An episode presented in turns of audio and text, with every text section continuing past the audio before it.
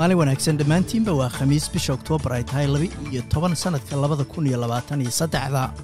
Magacayguna waa xasan jaamac wararka maantana waxaa ka mid a guddiga doorashada austreeliya ayaa uga digaya codbixiyaasha inay soo xirtaan waxyaalo ay ka muuqdaan ololaha haa ama maya marka ay codaynayaan aftida indigeneska ee maalinta sabtida ah. Wakiilka falastiiniyiinta ee dalkan austreeliya ayaa wada dadaal uu ku doonayo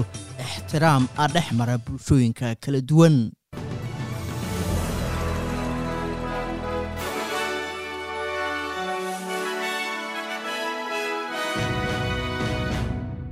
Guddiga doorashada dalkan austreeliya ayaa kula talinaya codbixiyaasha inaysan soo xiran funaanado ama waxyaalo kale oo haa ama maya ay ku qoran yihiin marka ay codaynayaan codka dadka indigeneska ee baarlamaanka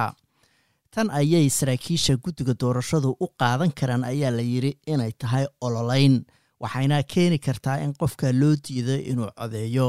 maadaama sharcigu dhigayo in aan olole laga ogolayn lix mitir meel u jirta iridda hore ee goobta codaynta. Lidia thorb oo ah xildhibaanad madax bannaan ayaa ku doodaysa in aftida oo guul daraysataa ay guul u tahay dhaqdhaqaaq ay u bixisay black sovereign dhaqdhaqaaqa madax bannaanida madowga. Miss thorb ayaa waqti badan ka soo horjeeday hindisaha codka baarlamaanka iyadoo ku tilmaantay in aftidana ay cay ku tahay dadka indigeneska ee australia hay'ad tala bixina oo aan awood lahaynna aysan waxba ka qabanayn dhibaatooyinka haysta bulshooyinka indigeneska madaxa wafdiga falastiiniyiinta ee australia isaad cabdulaahi ayaa ku booriyey bulshooyinka carabta muslimiinta iyo yuhuudda inay is-ixtiraamaan aragtidooda ku aadan colaadda falastiin iyo israa'iilna ay si nabadaysan u dhiibtaan. Aragtidiisa ayaa imanaysa iyadoo xiisade ay ka dhalatay dibadbaxyo ay falastiiniyiintu ka dhigeen magaalada sydney kuwaasoo la sheegay in laga maqlayay halku-dheg yuhuud nacayba oo ah hal la gubo yuhuudda. Golaha wasiirada cusub ee dowladda israa'iil ay dhistay ayaa ballan qaaday inay xamaas ka tirtirayso ciidda adduunka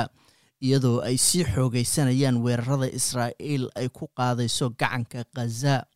ra'iisul wasaaraha israa'iil benjamin netanyahu ayaa dowlad xaalad deg dega la sameeyey xisbiga mucaaradka si ay isaga kaashadaan dagaalka lagu hayo xamaas tan ayaa imanaysa kadib weerarkii lama filaanka ahaa ee mintidiinta xamaas ay sabtidii ku qaadeen israa'iil. Weerarkaas oo ay ku qaadeen magaalooyin israa'iil ku yaalla halkaasna ay ku dileen kun iyo laba boqol oo qof sida laga soo xigtay militariga israa'iil. Saadaasha hawada berita oo jimcaha melbourne roobo ayaa la filaya iyo shan iyo toban digrii sydneyna waa cadceed iyo kow iyo labaatan digrii. Halka australian dollar maanta waxaa lagu sarrafayay lixdan iyo afar senti oo lacagta maraykanka ah